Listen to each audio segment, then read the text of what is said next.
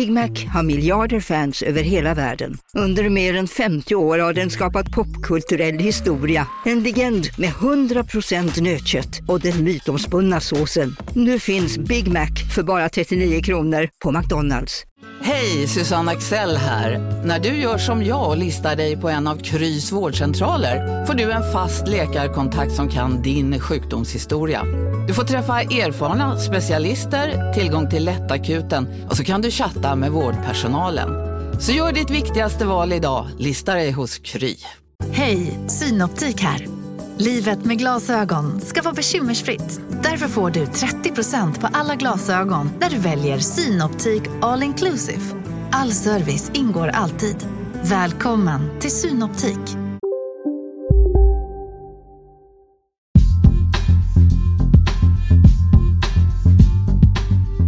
Sverige syns vara en stabil demokrati.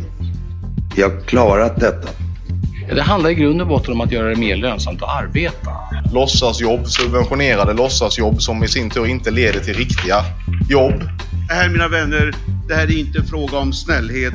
Det här är en fråga om respekt för de som har byggt vårt land. Ja, en ny vecka närmar sig refrängen. En vecka som präglats av första majtågens frejdiga formuleringar och utspel. En valtemperatur som ökar när också oppositionen lagt sina budgetförslag på bordet. Och en terrorrättegång som för alltid förändrat Sverige. Eller gjorde den det? Som vanligt en kvalificerad panel på plats, en panel med skilda och intressanta erfarenheter, en domare, en kulturskribent och en tidningsman. Varmt välkomna till den första veckopanelen i månaden maj. Jag heter Jörgen Wittfeldt.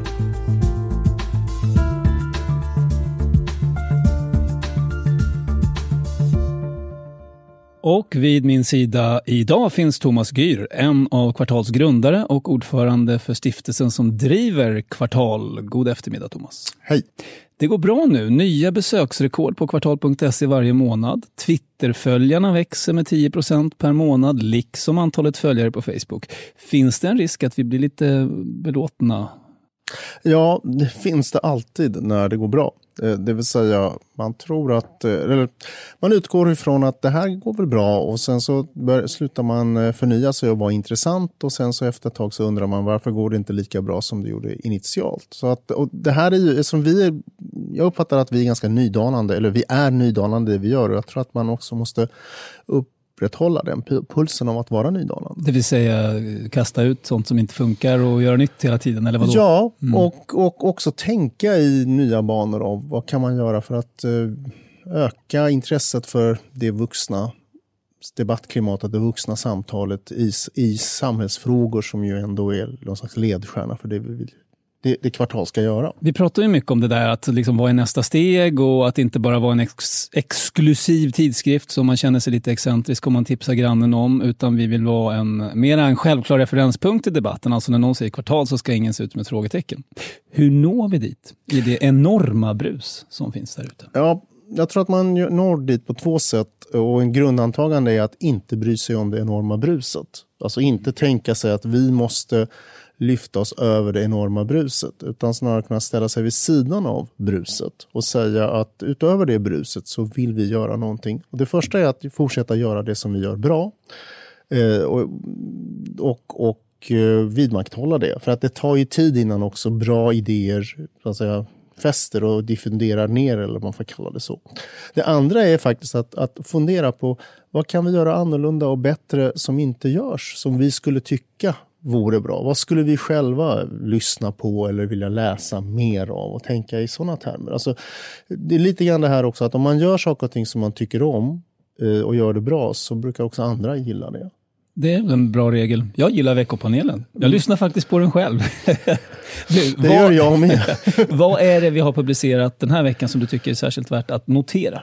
Jag tycker att vi publicerade en så kallad kvartalskommentar som är en lite längre text i en aktuell fråga som kanske belyser den på ett något annorlunda sätt av en av våra textredaktörer, Per Dahl, som också är en ganska driven skribent. Och han skrev om situationen och krisen i den svenska akademin i ett helt annat perspektiv än vad den brukar behandlas. Nämligen om det som man kan kalla för borgerlig offentlighet. Och då inte från Habermas och framåt utan kanske snarare Tocqueville, Paul Johnson. Men så tror han in också den svenska sociologen Hans Zetterbergs syn på det här.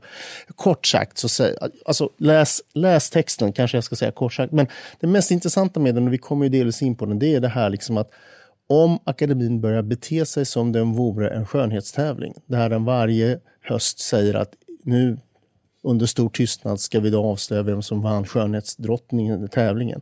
Då gör man sig också väldigt, risk, risken blir också väldigt stor att man blir väldigt lätt skadad och sårad därför man gör bara en sak som dessutom bedöms på icke grunder, på, på, på grunder som finns i andra regler i samhället, till exempel skönhetstävlingar. Mm.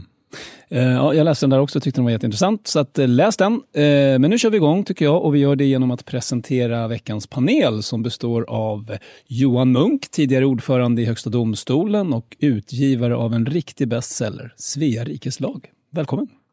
Tack så mycket. Och Ann-Charlotte Altstadt, journalist, författare och vänsterdebattör. Välkommen du också.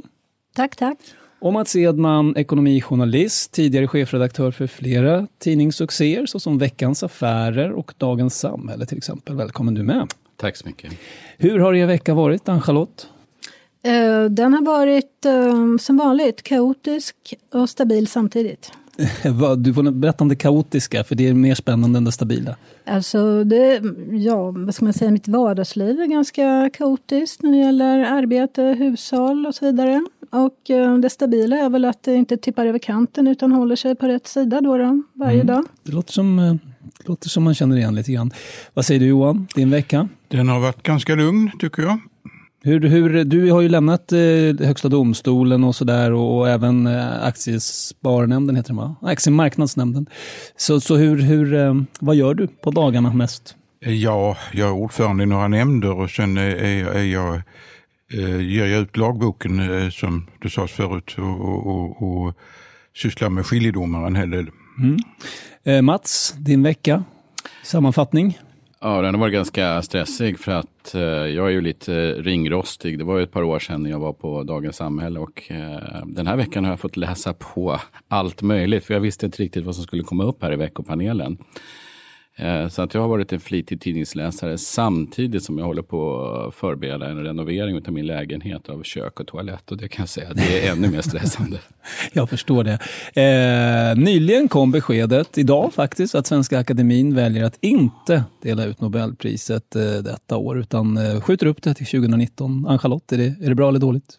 Alltså jag är jätteförvånad över det, för att just i ett läge när Svenska Akademin är mer angripen än någonsin då ska man väl inte börja halta och linka. Då kommer ju predatorerna bara hugga en i, i strupen. Man ska väl då verka stark och business as usual och så vidare. Så jag, jag blev faktiskt jätteförvånad. Och, ja, det var inte de signaler man hade fått riktigt. Nej, verkligen vissa, inte. De vissa kanske ledamöter. inte orkar. Kan man tänka sig att det helt enkelt är att de får inte den ro de behöver liksom för att ja, samla sig, Ann-Charlotte? Ehm, ja, jag tänker väl att de ändå är professionella läsare som har sysslat med just att läsa böcker i eh, ja, så länge mm, årtionden. Varför skulle, jag kan inte tänka mig att de just skulle blivit så knäckta av detta. Och den här inläsningen på, har ju pågått väldigt, under väldigt lång tid. Och den här eh, kalabaliken har varit x antal månader. Så att jag är faktiskt inte säker på det. utan vi har ju absolut ingen insyn vad som händer där inne. Det kan ju vara haverier och katastrofer av det slag som vi inte ens kan föreställa oss. Ja, det är en överraskande besked, tyckte nog jag också. Jag hade, nog trott, jag hade till och med skrivit in i manus, för jag var tvungen att skriva det innan det här hände, så hade jag skrivit kommer att dela ut priset som vanligt, men det fick jag ändra då. Eh, det har hänt en del på världsscenen också. Toppmötet mellan Donald Trump och Kim Jong-Un rycker allt närmare och som ett led i upptiningen sägs tre amerikanska fångar vara på väg att släppas från Nordkorea, eh, kanske också med hjälp av Sverige. Och detta efter ett år av förolämpningar och klarspråk från Donald Trump, som till exempel det här. The United States has great strength and patience. But if it is forced to defend itself or its allies, we will have no choice but to totally destroy North Korea. Rocket Man is on a suicide mission for himself and for his regime. Mats Edman, med tanke på hur ofördelaktig bilden är av Donald Trump, eh, inte minst i Europa, har vi underskattat honom? Han har ju ändå fått mer gjort vad gäller Nordkorea på ett år än vad Obama fick på åtta.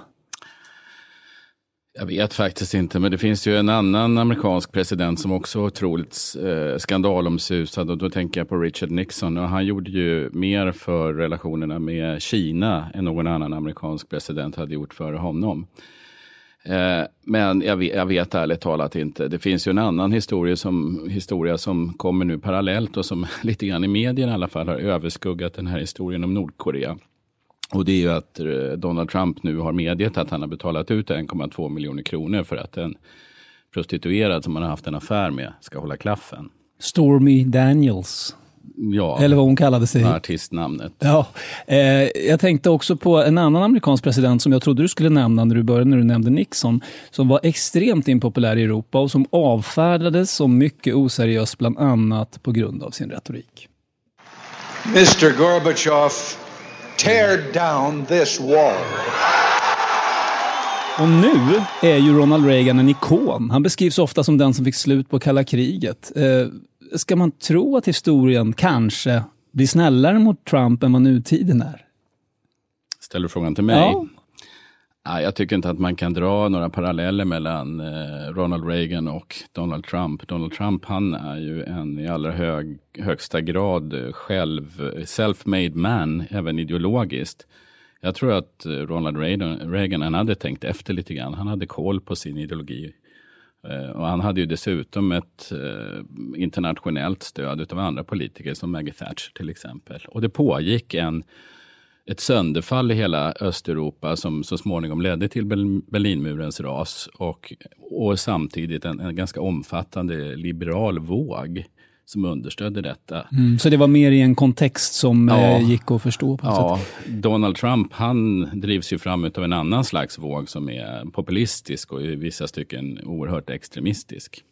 Det har gjorts ett eh, tillslag också mot ett antal terrormisstänkta personer i Stockholm och Strömsund i Jämtland i veckan. Två usbeker och en kirgisier, tror jag att det heter. De häktades igår, två av dem på sannolika skäl misstänkta för förberedelse till terrorbrott. Eh, Johan Munk, från vad vi vet nu, hur stort verkar detta vara? Ja, det är väldigt svårt att bedöma eftersom man inte har fått reda på någonting av utredningen. Eh, eh åklagaren säger ingenting och advokaten har yppandeförbud. Eh, förberedelse till ett brott är ju som eh, är väl allmänt bekant det är att man eh, man har inte påbörjat brottet men man har skaffat hjälpmedel till exempel. Eh, eh, till exempel skjut, skjutvapen, sprängmedel eller någonting sådant. Det kan vara en massa annat också. Det kan vara ekonomiska transaktioner. Eh, och eh, det krävs alltså att man har ett brott i sikte. Eh, men, men det behöver inte vara alldeles specificerat. Jag tänkte på Eh, de här men- tunnorna som eh, Ja, de bärgade från Strömsund. Det lät ju illavarslande, inte minst när man tänker på Breivik och hans Ja, gös- ja. gödningsmedel. Jo, det tänkte jag också på. Det, det är möjligt att det är någon sådan misstänkare som ligger bakom. Men det är ju väldigt svårt att ha någon uppfattning. Det, det, det har ju hänt att de har huggit i sten, Säkerhetspolisen. Men eh, jag, det kommer väl att klarna så småningom. Rättsväsendet som du själv var inne på nu har ju haft svårt tidigare att få till fällande domar i flera mål av den här typen. Tror du att man har dragit några slutsatser eller gjort några erfarenheter som kan vara värdefulla med till exempel när man ska slå till, då, hur länge man ska vänta, hur mycket bevis man ska samla innan man gör ett sånt här tillslag? Ja, det är väl möjligt att man har lärt sig av misstagen. Jag vet inte om det har varit så många misstag, men ett, ett par har det ju varit. De har tagit fel personer ibland. Eh, så att, att eh, jag utgår från att de eh, analyserar rätt så noga och har, har lärt av de misstag och även av de mera lyckade aktioner de har gjort. Thomas, när vi ändå är inne på veckan som har gått så kom det ju en grej idag som var lite intressant. Socialdemokraterna kom med ett utspel om framtidens migrationspolitik som du blev lite förvånad över va? Jag blev inte sådär jätteförvånad över den. Däremot blev jag, tajmingen tyckte jag var rätt intressant. Därför att annars brukar man ju vänta till efter valet när man ger den här typen av besked. Eh, det utspel som då kom var ju att eh, Sverige måste drastiskt minska. De man sa inte volymerna, men man angav till och med så att säga siffror. Att, eh, och det, är ett, det är ett flöde av per, eh, på 26 000 asylsökande som var 2017 ansågs vara för högt till och med nu. Det påminner ju om lite grann Lucia-beslutet 1989 då inflödet var 20 000 första halvåret och 29 000 det året där ju Maj-Lis Lööf och Ingvar Carlsson gick ut och sa att nu klarar inte Sverige så att säga, ta emot mer relativt den krav som vi har på att komma in i det svenska samhället. Så det, det, och det, det, det gjorde då alltså att Ulf Kristersson, Moderaternas ledare, gick ut och sa att han vill förhandla med Socialdemokraterna och gärna få en överenskommelse före valet. Och det förstår man att Ulf Kristersson vill, för han vill svepa bort den här frågeställningen som splittrar alliansen. Eh, då ska det bli rätt intressant att se om Socialdemokraterna är beredda att räcka den handen till dem eller om de hellre vill se en splittrad allians. Och mitt i alltihopa så finns ju också den här diskussionen om den så kallade gymnasieamnestilagen som ju på något sätt går tvärs emot de signalerna och där ju finansutskottet i går torsdag när vi spelar in det här bestämde... Är det fredag? Att, ja, förlåt. Men igår bestämde ja. man i torsdags då, eller i torsdags bestämde man då att, att uh, nu inhämta lagrådets uh, synpunkter på nytt, vilket gör att lagförslaget kommer inte tillbaka till riksdagen kanske förrän i slutet av maj. Så det här är en otroligt turbulent period, mycket intressant att följa. Mycket intressant. Vi eh, går på frågan vem som är veckans person. Eh, Ann-Charlotte, vem är veckans person tycker du och, och varför är han eller hon det? Ja, jag vet inte om jag prickat in veckan rätt här men jag blev ganska chockad över att eh, Rock Rocky ska sluta teckna sin serie. Mm. Alltså jag minns när jag läste mitt första Rocky-album. Det var så otroligt skoj, så otroligt roligt. Och man har följt med Rocky hela hans liv, eller på att säga, det hör man inte, 20 år. Och man räknade med att han skulle vara som Rolling Stones, eh, du fortsätter all evighet. Kanske någon paus då och då, men ni vet. Men så ska han bara sluta. Och varför? Därför att, tänk dig själv, så otroligt pressande att leverera en seriestripp om dagen. Jag menar, jag skulle ju bli tokig och mm. de flesta skulle bli tokiga också. Han kanske redan har blivit tokig, vem vet? jag vet inte, men man har full förståelse för att man, slutar, att han vill sluta, man beklagar det. Men jag tror att han kan komma tillbaka ändå om man får vila upp sig lite. Så får vi följa med honom in på ålderdoms, ålderdomshem eller vad det kan bli när vi blir gamla. Mm, ja, det, det, är ju sådär när man börjar när man är ung och skriver om ett liksom, rockigt ungdomsliv så det är svårare att komma på de där idéerna tänker jag också. Om, när Rocky ska bli medelålders och Rocky ska ha, gå på Men underskatta inte medelålderns alla absurditeter ändå. Det absurda i livet det slutar väl aldrig, antar jag, eller hur? Fast det är kanske är en annan absurditet när man hänger på krogen än när man ska hålla på med, med ungarna. Men jag kan lovar dig, och det vet du ju också, hur konstigt livet är. Eller sjukt. Jo, det gör jag. Mm. Eh, vad säger du Mats, vem är veckans person och varför är den det? Jag tycker att veckans namn är Ann-Marie Begler som eh, väldigt oväntat och plötsligt fick sparken från sitt jobb som generaldirektör på Försäkringskassan. Och den eh, senaste händelsen kring henne, det är att idag har ju sju ledande personer i Försäkringskassans högsta topp i samarbete med eh, fyra före detta generaldirektörer eh, gjort det väldigt, väldigt ovanliga. De har krävt att regeringen ska återinsätta henne på tjänsten som GD för Försäkringskassan. Det måste ju vara helt unikt. Det måste också vara ganska jobbigt för regeringen som väl, analyserna jag har hört är att man försökte städa bordet inför valet och ta bort en jobbig grej. Liksom. Men det här verkar bli jobbigare ändå. Ja, det här var någonting som man absolut inte hade räknat med. Ann-Marie Begler har uppenbarligen gjort det som regeringen har bett eh, henne att göra. Det vill säga ja, minska kostnaderna för, för eh, Försäkringskassan. Um, och bland annat så har man ju varit mycket restriktiv, eller mer restriktiv när det gäller att bevilja medel till assistansersättning. Detta har ju gett otroligt mycket kritik eh, bland de funktionshindrade och deras eh, representanter. Mm. Det som hände helt nyligen det var att Sverigedemokraterna plockade upp det här och gick ut och sa att de ville höja ersättningen till de assistansberättigade. Och jag tror att det kan ha spelat en viss roll eh, när regeringen fick pa eh, lite panik i den här frågan. För det gick ju väldigt fort. Pressade av SD är en teori alltså. Eh, Johan Munk, vem är veckans person för dig? Eh, jag tänkte faktiskt på båda de två som redan har nämnts. Men eh, jag, jag, tror jag eh, stannar för en person som också har nämnts, åtminstone indirekt. Eh, enligt reglerna kan man väl bara eh, utse en person till Mm. veckans person. Men jag tänkte på Svenska Akademin eh, och då eh, väljer jag Anders Olsson som väl är tillförordnad sekreterare som har medverkat till att eh, få till stånd ett enigt beslut. Sen kan man ha olika eh, meningar om det var bra eller dåligt men det var i alla fall enhälligt för en gångs skull. Det är sant. Eh, där har vi utsett veckans personer och då är det hög tid att gå på veckans första ämne.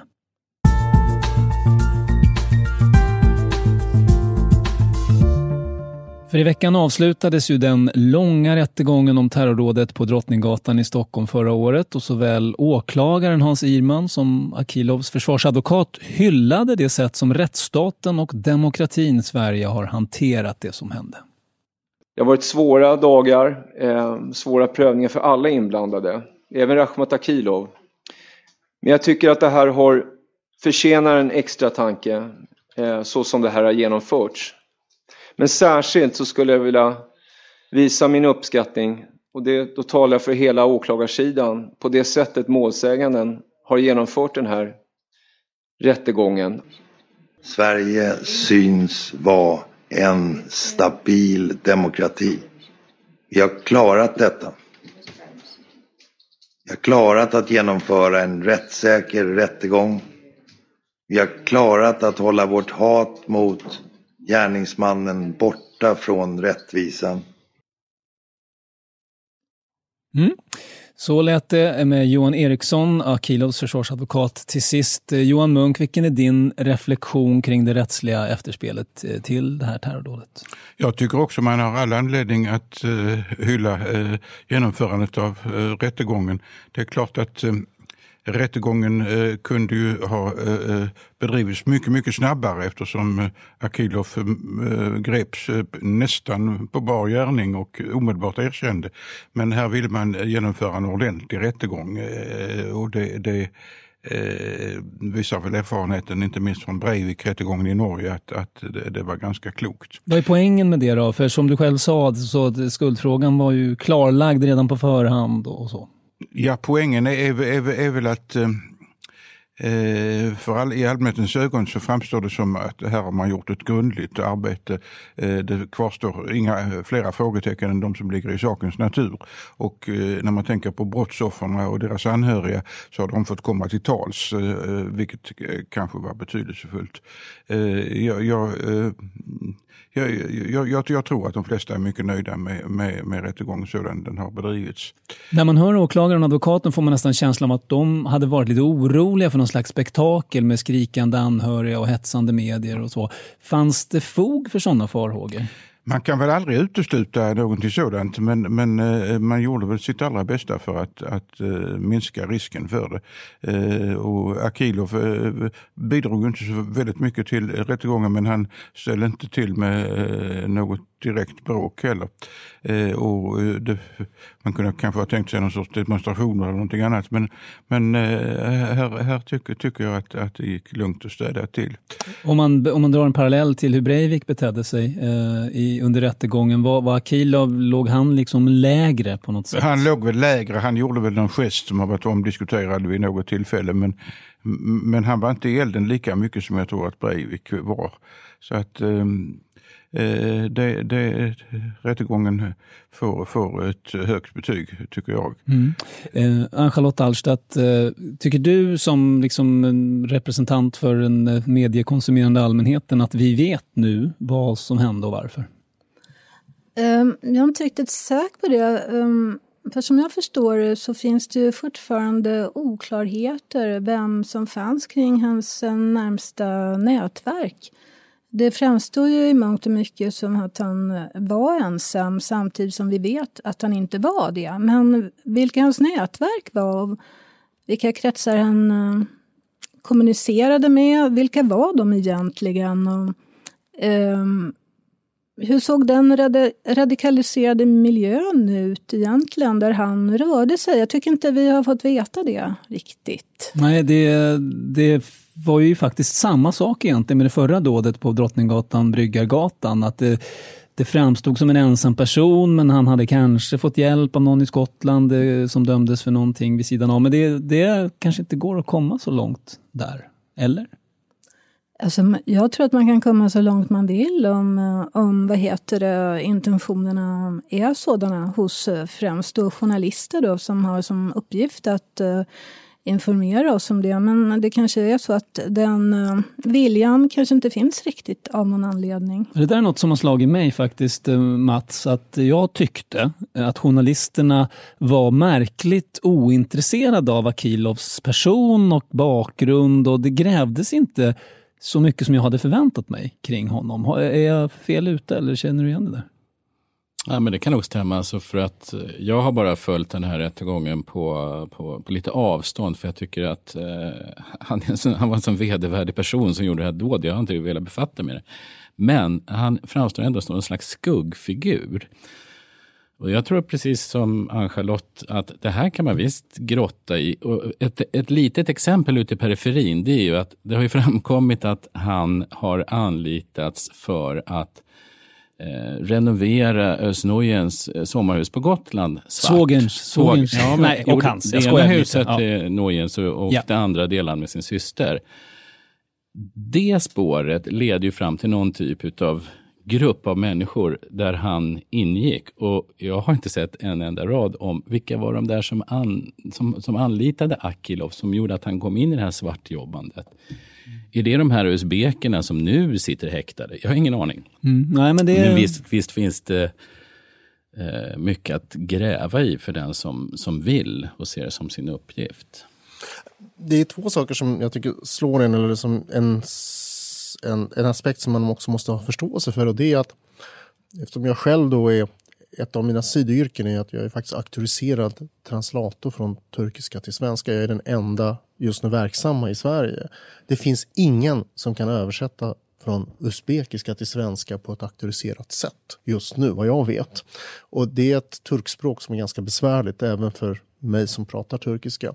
Eh, jag översätter inte från usbekiska. Det är, det är för besvärligt, det är för långt. Det är som isländska ungefär. Det går att förstå men inte garantera. Alltså, det finns såna här barriärer som vi inte tänker på. Det går ju att så att säga eh, lösa det, till exempel genom att hitta engelskspråkiga personer och lägga resurser på det. Men journalistik i Sverige har blivit väldigt mycket lite av att, att om det serveras så, så skriver man av men man går inte till botten själv. Det andra är väl också att det finns en uppfattning om, och jag tycker att Ann-Charlotte är inne på det där lite grann, att det, vi har en uppfattning om hur terrordåd ska se ut. Det vill säga att det är en cell och så finns det en överbyggnad och så finns det en ledning och så går det order och så vidare. Medan då väldigt mycket av den här typen av terrorism med islamistiska förtecken som vi ser handlar kanske mer om sympatiterrorism. Så självradikalisering? Självradikalisering, men i en, i, en, i en relevant miljö. Och det är mycket svårare att greppa. Och det är också mycket svårare att rapportera om och kräver kanske en helt annan förståelse. Och här tror jag att det brister också kanske Mats har en annan idé om det eller kan kommentera, men det brister också i den kan man säga, journalistiska förståelsen för det här fenomenet. För att man, man vill helst se tydliga hierarkier man kan berätta. Liksom. Författningsdomstolen där har bestämt detta, lagrådet sa så, riksdagen tog det beslutet. Terrorcellen beordrade si och så. Mm. Det är mm. lite lex Luthor. Liksom. Jag minns, att, eh, jag minns eh, Mats att eh, han blev väldigt snopen när han fick klart för sig att IS inte hade tagit på sig dådet. Det är en sån här grej som jag minns från rättegången. Mm. Vad det nu är ett tecken på, men så klara, tydliga linjer mellan honom och IS verkar inte finnas då, eller? Ja, det där har jag ingen aning om. Det är klart att den här personen som så att säga, begår ett terrordåd i eh, islams namn vill ju naturligtvis ha någon form av erkännande från de som man ändå uppfattar som föredömen. Men Thomas är inne på en väldigt intressant sak och det är ju det att den här terrorismen som eh, vi pratar om nu, den skiljer sig från andra former av lite mer strukturerad eh, organiserad terrorism. Det finns ju ett budskap som skickas ut som handlar om att du kan, det är helt okej okay att göra det här själv. Gå och hyr en bil och kör ihjäl, kör ihjäl lite folk. Så att man behöver ju inte ha de här stora organisationerna.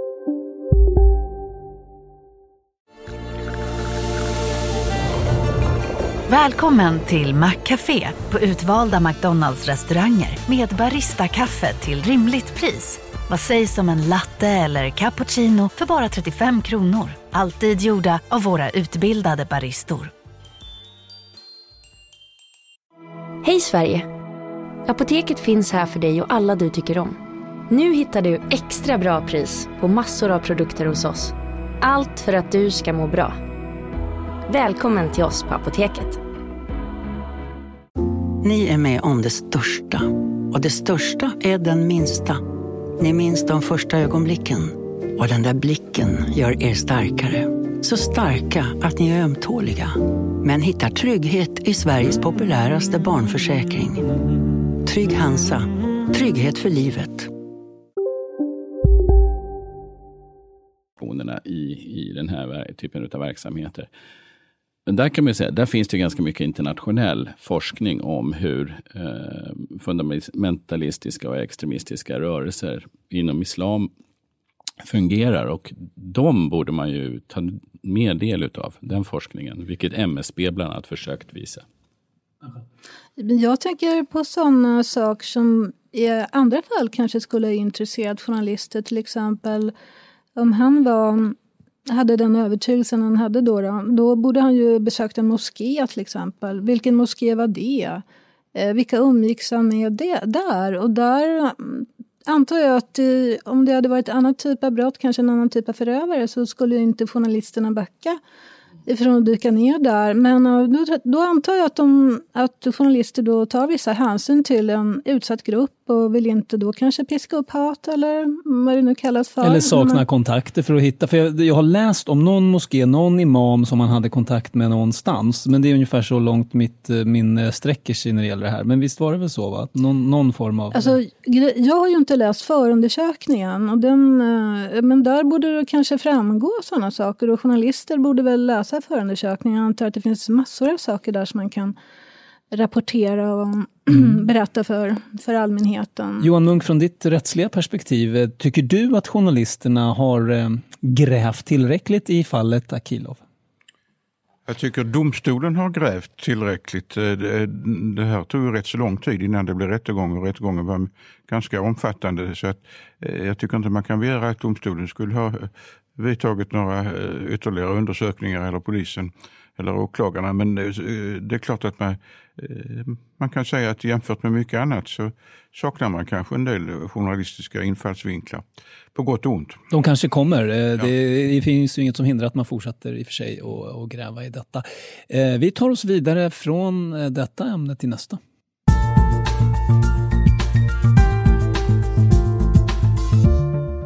Ja, i och med att alla oppositionspartier nu har lagt fram sina alternativ till regeringens budget så har terrängen inför valet i höst klarnat något och de olika partierna har lite skilda fokus, åtminstone vad gäller retoriken. Det handlar i grund och botten om att göra det mer lönsamt att arbeta. Så länge det finns människor som kan jobba, som vill arbeta men som idag lever på bidrag, då har Sverige ett problem. Vi försöker flytta fokus från det som har gällt i integrationspolitiken i 25 år nu med, med jobb, låtsasjobb, subventionerade låtsasjobb som i sin tur inte leder till riktiga jobb. Vi presenterar idag ett eh, nationellt eh, sjuksköterskelyft på 4 miljarder under nästa mandatperiod där vi vill införa en examenspremie för de som utbildar sig till sjuksköterskor. Ulf Kristersson, Jimmy Åkesson, Annie Lööf hörde vi. Eh, Mats Edman, utifrån hur partiledarna säljer in de här budgetalternativen, vad kan man säga om hur den politiska konflikten kan tänkas utspela sig inför valet? Ja, jag har jättesvårt att hitta några sådana här superstarka politiska konflikter. Det som man kan konstatera eh, genom att läsa vad som har sagts den här veckan, det är att alltså välfärden, vård, skola, omsorg, de äldre, LSS, socialförsäkringar polis och försvar, det är vad som står i centrum. Och det verkar finnas ett ganska stort konsensus om detta och alla vill värna välfärden. Och den skiljelinje som jag framförallt upptäcker det är att Socialdemokraterna eller regeringen, de vill värna välfärden men bibehålla ett högt skattetryck. De vill i alla fall inte sänka skatter. Medan eh, allianspartierna med Moderaterna i spetsen vill öka incitamenten till arbete genom att sänka skatterna på arbete. Eh, bland annat genom ett, ett nytt jobbskatteavdrag och sen så ska detta kalas också finansieras med besparingar utav olika slag, bland annat på arbetsmarknadspolitiken. Låter kusligt bekant ju. Eh, det skulle kunna vara valrörelsen 1982, 85 eh, och så vidare. Ja, det är Ända fram till dags dato. Jo, men det är samma konflikt som alltid. Och då tänker jag, Socialdemokraterna talar om välfärden, Moderaterna om att det ska löna sig att arbeta mer än att gå på bidrag och Sverigedemokraterna att invandringen ska minskas drastiskt och att det frigör pengar för stora satsningar. Hade man inte kunnat vänta sig någonting mer um, tidsanpassat eller att man på något sätt ska märka att det är 2018 och inte 1988? Ja, men om man tittar på budgeten som är framlagd och som nu är justerad så kan man ändå konstatera att det går ganska bra för Sverige. Och vi har en, en hög sysselsättning historiskt sett och vi har en låg arbetslöshet även om den inte är Europas lägsta. Men 6% arbetslöshet betraktas ju som sunt utav de flesta nationalekonomer för att man ska ha en rörlighet på arbetsmarknaden. Det som är ett kvarvarande problem som, som dyker upp ändå, det är våra svårigheter att hantera eh, migrationen och integrationen. Det finns ett sån här klassiskt test som man brukar prata om när det gäller budget. Jag vet, tror jag Reinfeldt som, som myntade det där uttrycket en gång i tiden. Fem miljarders testet. Och det finns bara en enda fråga i, de här, eh, i vårbudgeten där, där förändringen är över 5 miljarder kronor. Och det är migrationskostnaderna som i år är väsentligt lägre än 2017 men ändå kraftigt högre än vad man hade räknat med när budgeten lades från början. Och det är helt uppenbart att migrationsfrågan, det är en det är en tickande bomb. Varför det? Jo, därför att den här, det här enormt stora inflödet av människor som har kommit till Sverige och som möts i Sverige av en otroligt stor välvilja från eh, stat, kommun och landsting från hela det etablerade Sverige. Eh, Det för ju med sig kostnader som inte kommer tillbaka förrän på lång sikt. Vi har jättesvårt att få ut de här människorna i sysselsättning. Så att kalkylen för den här typen av invandring, den går ju med förlust 10, 20, kanske 30 år. Och det här leder då till väldigt kraftigt ökade kostnader ute i landsting och kommuner. Mm, jag, skulle, jag skulle fråga dig just, finns det någonting som politikerna döljer eh, i sin retorik eh, som de helst inte pratar om? Och det låter som att du möjligen är inne på ett sånt spår. Ja, det finns ju lite olika institutioner runt omkring regeringen. Konjunkturinstitutet eller i det här fallet Riksrevisionen som har påpekat eh, att den svenska välfärden måste förstärkas med åtminstone 20 miljarder kronor per år i minst tiotalet år framöver för att vi ska ha en oförändrad kvalitet på den nuvarande välfärden. Det vill säga, vi, man pratar inte om en förbättrad kvalitet utan en oförändrad kvalitet. Och eh, här har ju regeringen i, i budgeten för 2018 bara ökat anslagen till kommunerna för, för att stötta kommunerna med, med 5 miljarder. Och det är väldigt långt ifrån de årliga 20 miljarder som behövs. Ann-Charlotte, du viftade Ja, till eh, lite.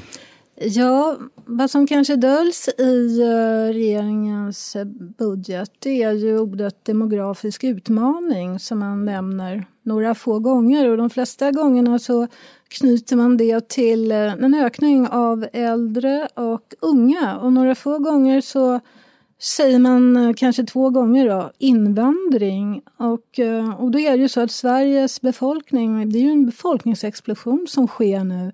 Alltså vi, I meningen att det blir många fler, eller? Ja, jag menar vi blev ju från 2004 till 2017 blev vi en miljon. Vi var alltså åtta miljoner 1970 va? och sen 94 tror jag blir vi nio miljoner. Och sen 2004 blir vi 10. 2014, eller? Eh, Ganska nyligen har jag för mig att vi ramlade över 10 miljoner strecket. 2017 Ja, just det. 10. Det stämmer. Men, Mm. vi, men grejen är ju att vi blir ju 11 2026. Oj, ja. Och då skriver ju regeringen lite här och där att eh, skatteunderlaget i kommunerna kommer inte, matchar ju inte behoven. Välfärdsbehoven matchas ju inte av skatteunderlaget. Så man nämner lite grann här och där att det kommer ju krävas väldigt stora eh, bidrag från staten till kommunerna för att klara detta. Och det kan ordnas, det kan ordnas om de här om de som har invandrat till Sverige får jobb. Men det finns ju inga planer för hur man ska sätta dessa människor i, eh, i sysselsättning. Rimligt snabbt får vi väl tillägga, för förr eller senare så får de flesta jobb, men det tar för lång tid. Alltså alldeles för få får ju jobb även fast tiden går för att bibehålla vår skattebas. Mm. Och då kan man tänka sig att eh, man skulle ha några idéer i, i, i, i vårbudgeten kanske för hur man skulle lösa detta. Eh, men det gör man inte, utan de förslag som finns det är att bibehålla eh, offentlig sektors personal på samma nivå. Som vi vet så är ju den bristfällig Så redan det idag. leder alltså till en långsam, eh, får tolka dig som urholkning av kvaliteten då i så fall?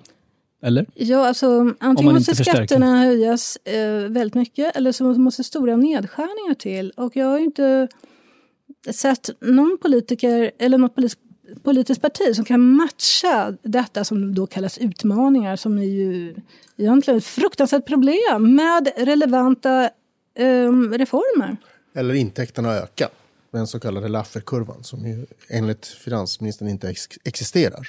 Ska vi Annat förklara. Lafferkurvan då? Ja, det vill säga att, äh, att äh, vid en viss nivå när man då ökar skatte i, i, Satsen. satsen så minskar skatteintäkterna därför att folk börjar hålla sig undan skatt Eh, eh, beskattningsbara saker som arbete och så vidare. Dock tror jag att man söker, alltså att jag tror att ni söker de ideologiska motsättningarna och framtidsdiskussionerna på fel ställe. De kommer aldrig att finnas i budgeten, de finns inte i budgeten. Så tillvida att när jag jobbade på regeringskansliet, näringsdepartementet för 25 år sedan, då fick jag lära mig att 86 procent av budgeten är rullande från ett år till ett annat. Den går inte att påverka. Den är alltså fasta kostnader som är längre än ett år. Så att om man nu vill omvälva allting utan att, så att säga, begå våld på utställda löften och sådär, så kan man bara påverka 14 procent av budgeten mm. från ett år till en annan. Det andra är att det finns en statsvetare som heter Emil Uddhammar, numera professor. Hans doktorsavhandling 1993 hette Partierna och den stora staten.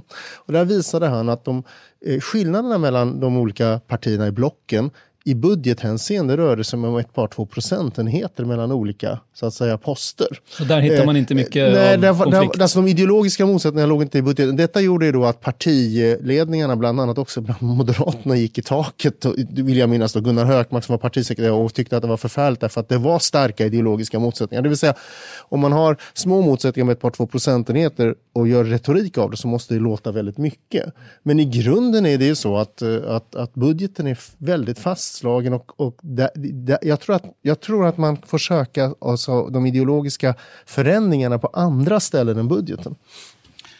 Alltså det som man kan reflektera över det är att verkligheten kommer att korrigera en hel del av snömoset som, som sägs i samband med de här motionerna. Ah, Ann-Charlotte var ju inne på det, det vill säga att skatteunderlaget kommer inte räcka till för att hålla välfärden uppe.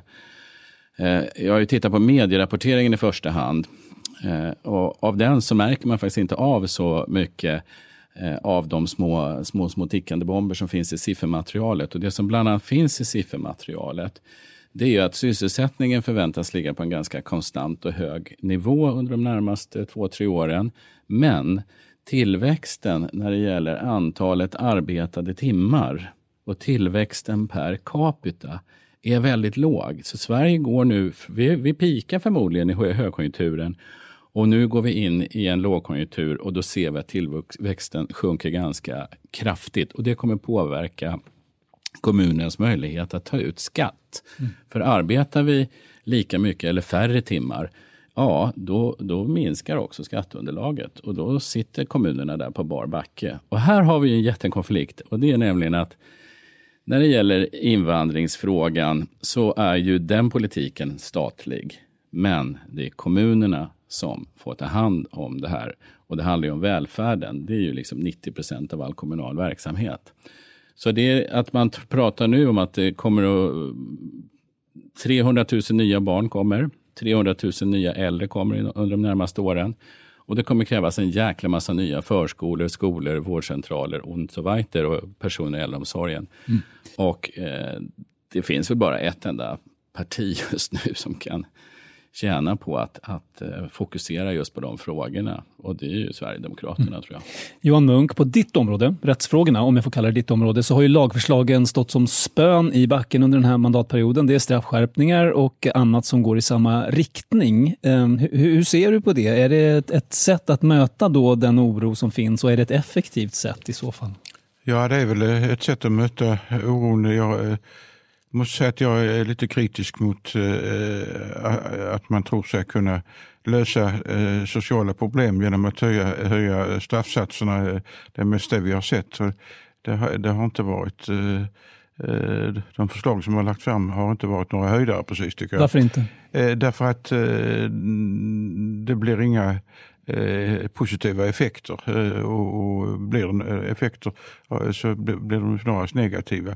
Jag, jag, mm, jag tycker det är synd att alla partier överbjuder varandra när det gäller att, att höja straffen och, och, och, öka repressionen. Så var det inte förut. Men... Ett problem som ibland brukar beskrivas är att ni inom domarkåren, även om du inte tillhör den längre, inte riktigt följer politikernas intentioner när det gäller hårdare tag och strängare straff. Att ni ofta lägger er i den lindrigare delen av straffskalan, att ni rent av eh, kallas för syltryggar, var det någon som, som kallade Sveriges domarkår. Ja, det, det, det hörde jag. Ja. Jo, men eh, det är en praxis eh, att, att domstolarna lägger sig i den nedre delen av straffskalan, det är det faktiskt. Eh, och eh, det finns flera justitieministrar har varit kritiska mot det, framförallt Beatrice Ask. Men det, det har aldrig blivit något, någon egentlig det har kommit något förslag som syftade till att ändra på det, men det var, det var rätt så dålig effekt tror jag. Men det är inte bara i Sverige det är så, utan det är i flertalet länder. Är domarkåren lite aktivistisk rent av? Eller, eller är det som alla som kan någonting liksom känner att ja, det där kan politikerna populistiskt skrika om, men vi, vi följer ändå eh, vetenskap och beprövad erfarenhet? Ja, det är någonting i den stilen är det nog. Ja, intressant. Eh, Ann-Charlotte, sista ordet till dig innan vi går till nästa ämne, för du jag vill, viftade. Ja, jag ville förstås hålla med Thomas Gry när han sa att det inte finns några ideologiska skiljelinjer egentligen i budgeten, utan det handlar ju om att lappa och laga bara på lite olika vis, utan det ligger ju i den politiska retoriken då då Löfven försöker åter, återkalla en tid före 90-talet när han pratar om det starka samhället och har glömt att Socialdemokraterna Um, vad heter det, var ju det ett skällsord, det starka samhället, när välfärdsstaten stod eh, lågt i kurs på 90-talet. Och nu försöker han, eh, uh, nu försöker han uh, använda det gamla begreppet utan att kunna fylla det med någonting förstås. För vi lever ju i andra tider. Uh, det motsvarar ju inte i budgeten att, att det skulle skapas ett sådant starkt samhälle. Medan, medan vad heter Kristersson förstås med, håller på med sitt arbete istället för bidrag. Mm. Men vad han gör då, han skär ju inte i några bidrag, han skär ju i arbetslöshetsförsäkringen och i sjukförsäkringen. Och det kan ju leda till att folk inte kan försörja sig. Och den kostnaden lastas på kommunen genom att folk måste gå på socialbidrag. Alltså så bidragen ökar med den politiken. Eftersom det inte finns några kanske jobb då för de som inte kan, som, in, som, som har låg utbildning till exempel. Eh, den politiska konflikten ligger inte i budgeten utan snarare i retoriken sammanfattar jag er bland annat och det passar bra för det handlar nämligen nästa ämne om.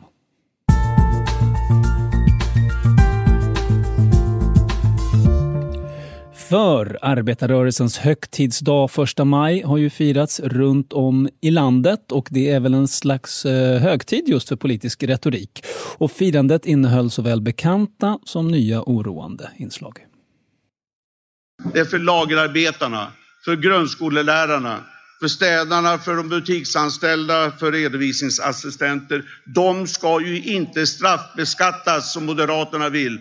Alla ska ha råd att vara med i en fackförening och i a-kassan. Det gör att man har trygghet när man blir arbetslös. Det är otroligt viktigt. Det är också lättare att hålla uppe lönerna. Och det gör att vi får ett jämlikare samhälle på sikt. Jag förutsätter att Polismyndigheten har följt den lagstiftning som finns. Samtidigt så smärtar det mig oerhört att vi har nazister som går på våra gator. Alice Bakunke eh, hörde vi sist och innan dess hörde vi Jonas Sjöstedt och allra först eh, statsminister Stefan Löfven. Ann-Charlotte Alstadt, som tillhörande den politiska vänstern, vad har första maj betytt för dig genom åren? Ja, man kan ju inte underskatta det här om att första maj faktiskt är en tradition. Och människor älskar traditioner för det innebär gemenskap och det är en återkommande sak där människor, människor får ett tillfälle att samlas. Det är som en liten julafton fast med politiskt innehåll. Kan du beskriva stämningen kring de här politiska talen och i de här demonstrationstågen? Jag ska erkänna att jag har nog aldrig gått i ett första maj-tåg faktiskt. Alltså man brukar ju kalla julen då familjehögtid då, då, men det här är kanske mer som en kompishögtid. Man träffar vänner, man bestämmer under vilken um, paroll man ska gå kanske. Och så återkommer sådana här ritualer, ursäkta mig alla borgerliga människor nu, mm. men ritualen för Vänsterpartiets tåg är ju att Ung Vänster ställer sig på trappan upp till slottet och viftar med röda fanor. Och, då kom, då, och alla de här ramsorna, det är ju som julsånger. Va? De återkommer hela tiden och då ska man ropa Var ska vi bo? Där ska vi bo. Slottet alltså. Ockupera slottet, 800 rum och så. Så att, och man får inte underskatta det här med symbolpolitik. Nu vänder jag mig väldigt hårt mot symbolpolitik för dess meningslösa skull. Men som bäst så innebär det ju en samling med, med likasinnade och gemenskap manifesterar här är vi, det här tycker vi. Och om man blir många så är det ju jättekul att det är som ett skyltfönster till ens politik då. Var du ute i veckan? Alltså, grejen är att jag blir så besviken på vänstern så att jag håller mig långt borta från Medborgarplatsen och Kungsträdgården de senaste åren. Då, då för att jag tycker att eh, jag kan inte känna igen mig längre i vänstern när den har eh, då när den, det har kommit, kommit att domineras av en postkolonial intersektionell identitet, politisk ideologi. Vad menas med det då? Ja, vad menas med det? Det menas väl att det här med klass kanske inte betyder så mycket längre utan nu handlar det om nu har, nu har sådana rasideologer eller hudfärgsideologer tagit över och, och då helt plötsligt har vita män eh, blivit eh, mm, eh de makthavarna i samhället. Och eh, och de underställda, och det kan man identifiera på grund av deras hudfärg. Man har klumpat ihop människor i stora kategorier och gjort vissa till representanter som inte alls är av demokratiskt snitt. Som islamister till exempel, som har fått inflytande i partiet, vilket är ju helt sjukt och barockt. Men är inte det en så att, utveckling av eh, klassanalysen? Att eh, vänstern har så att säga haft så stora framgångar, att klasskillnaderna har blivit så små att man måste hitta nya linjer? Att, att, att det går att förstå på det sättet i alla fall? Fall? Alltså jag tänker mig att eh, när stora delar den politiska eliten, till exempel Socialdemokraterna, då, då övergav välfärdsstatsprojektet och mm, började triangulera. Det fanns bara en enda väg, en enda lösning. Eh, nämligen marknadsekonomi och så vidare. Då mm, tappar man ju bort, eh, tappade socialdemokratin men också vänstern bort så här, arbetarklassen, de klassiska vänsterfrågorna. Och man var tvungen att alliera sig med nya fräschare grupper då, som minoriteter till exempel. Då. Mm. Du vill hellre ha klass mot klass än ras mot ras, eller? Alltså, det är en liten infam fråga. Men... Alltså, du menar att jag är för raskrig? Nej, men klasskrig. Nej, men jag tycker att, jag, att, att analysera samhället uh, som, som klassamhället är en av de fruktbara analyser man kan göra. Så kan man göra fler analyser, men att analysera samhället uh, utefter människors hudfärg, det kan ju inte förklara det kan ju inte förklara våra samhällsproblem idag. Men det beror inte på att folk har en viss hudfärg, att de bor utan, utanför förorterna, utanförskapsområdena. Det är ju inte vår rasism som förklarar deras höga arbetslöshet. En del skulle hävda det i och för sig. Ja, men det är därför inte jag känner igen mig i vänster Jag förstår. Jag förstår. Fast, jag, får jag säga en sak? Det som jag känner igen mig, eftersom jag är uppvuxen i en vänsterfamilj, mm. är ju då den här familjehögtiden av att vara ute och demonstrera med barn och och allt. Och den jag här, förstår. eh, Ja, för jag tycker det finns en, det finns en slags, eh, vad ska man kalla ateistisk religion över det, eller? Kan man inte säga ja, så? det tror jag ja. att man kan placera ja. in det. Och att, att jag sa då kompisaktiv, det beror på att mm. inte jag kommer från en sån familj. Då. Mm. Så då är det... För mig är det liksom så här, Mm. det är väldigt sådär nostalgiskt med, med, med faktiskt som att, eftersom mina föräldrar då dessutom var väldigt långt åt vänster så var det faktiskt så att man, vi gick under parollen klass mot klass. Mm. Mats Edman, vad betyder första maj för gemene man och kvinna tror du? Jag undrar egentligen eh, hur pass stor den här familjen är idag. Eh, jag läste någonstans att Socialdemokraterna i Stockholm samlade cirka 3000 personer i sitt majtåg. Det låter ju väldigt lågt. Det, har jag missuppfattat det här? Charlotte nazisterna samlade fem, i Lu- 500 i Ludvika. Alltså Socialdemokraterna, alltså Vänsterpartiet har alltid varit större så länge jag kan minnas än eh, Socialdemokraterna. Socialdemokraterna verkar ju svårt att attrahera dels den här den här medelklassen som finns här inne, de attraheras ju mer av Vänsterpartiets eh, aura än det gråa folkliga sosseriet. Och sen så är det väl så att själva sosseriet har ju svårt att mobilisera för de inte har några frågor längre som kan du vet, göra människor entusiastiska och glada. Det tog ju redan Walter Korpi upp 91 i sin valanalys. Det finns inget som pratar för Socialdemokraterna längre på Kanske extra svårt när man regerar. Jag, jag tänkte fråga dig Johan Munk. Eh, en bild av första maj är ju liksom att det är ganska få som är ute och sådär. Eh, å andra sidan, finns det inte verkligen någonting för alla att fira? Hur Sverige lyfter sig från stora klassklyftor och fattigdom och blir en av världens mest jämlika och framgångsrika nationer. Eh, ändå är firandet ganska politiskt färgat, har jag en känsla av. Varför är det så? Man kan tänka sig att det här skulle vara en dag för alla just av den historiska skälet så att säga. Ja, det gäller ju att hitta några paroller som man eh, förtjänar eh, demonstrera eh, för. Eh, jag, jag var, var på Socialdemokraternas eh, demonstrationer. Det var, var ganska eh, det var god stämning och så vidare och ganska mycket folk tyckte jag. Men det var svårt att hitta några eh, riktigt slagkraftiga paroller. var, var det någon som fastnade? Nej, det var knappast någon. Det, det, det, det, ja, det var, var, några självklarheter. Vi var inne på det. I Ludvika och Boden arrangerade nynazistiska NMR demonstrationståg som ju såg ut att dra rätt mycket folk då jämförelsevis och det är något som med rätta upprör många människor. Hur tycker du att rättsstaten klarar av den här balansgången mellan att värna mötesfriheten och demonstrationsfriheten och samtidigt inte tillåta hets mot folkgrupp och, och så att säga, beakta de människor som blir illa berörda av detta? Ja, det är många problem på det området eh, och, och, och eh, jag tycker det verkar ju som eh, polisen och andra gör sitt bästa ändå. Men man kan ju inte trolla. Men, men man kan inte påstå att det inte finns problem, för det finns det. I Almedalen i sommar så har ju Region Gotland meddelat att NMR inte får hyra någon plats där, som de ju fick förra året. Är det rätt, tycker du? Ja, det måste jag säga att jag tycker att det är.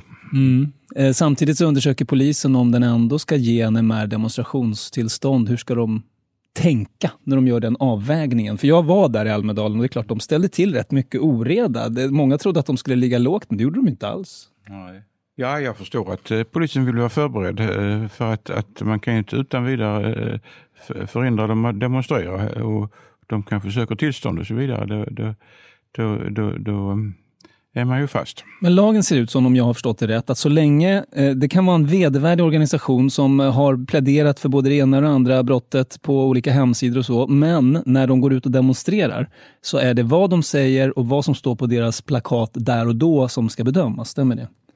Ja, i princip stämmer det. Om, eh, det är klart att man kan tänka sig att, att eh, begås mera handgripliga brott i anslutning till själva demonstrationen. Men annars är det i princip så, så, som du säger. Jag brukar tänka på IS som ju var, nu är ju IS kanske på väg att tappa i liksom, eh, lyskraft på något sätt, men när de var som mest eh, skräckinjagade. Om de skulle arrangerat en, en, en demonstration eh, likt NMR, jag, jag bara har svårt att tänka mig att man någonsin skulle tillåta det. Vad tror du? Ja, det, det har man svårt att tänka sig. Det, det eh, det finns inget riktigt precedensfall. Eh, vi har ju haft en lång diskussion i, i Sverige om förbud mot eh, rasistiska och eh, demokratifientliga organisationer som finns i många länder. Tyskland vi, till exempel. Vi, vi, har inte något sådant eh, förbud i Sverige och det får vi med jämna mellanrum eh, kritik för i internationella sammanhang. Vi får se eh, hur eh, rättsstaten, demokratin Sverige tar sig an detta. Det är dags att säga ett stort och varmt tack till veckans panel. Johan Munk, tidigare ordförande i Högsta domstolen och utgivare av Sverikes lag. Ann-Charlotte Altstadt, journalist, författare, vänsterdebattör och Mats Edman, tidigare chefredaktör för flera tidningar såsom Veckans Affärer och Dagens Samhälle till exempel. Återstår bara för mig, Jörgen Wittfeldt och Thomas Gyr att önska er alla en fin och varm helg och eh, glöm inte i dessa tider av informationsöverflöd Tänk kritiskt. Ta inte för givet att det du hör eller läser stämmer, utan tänk alltid själv.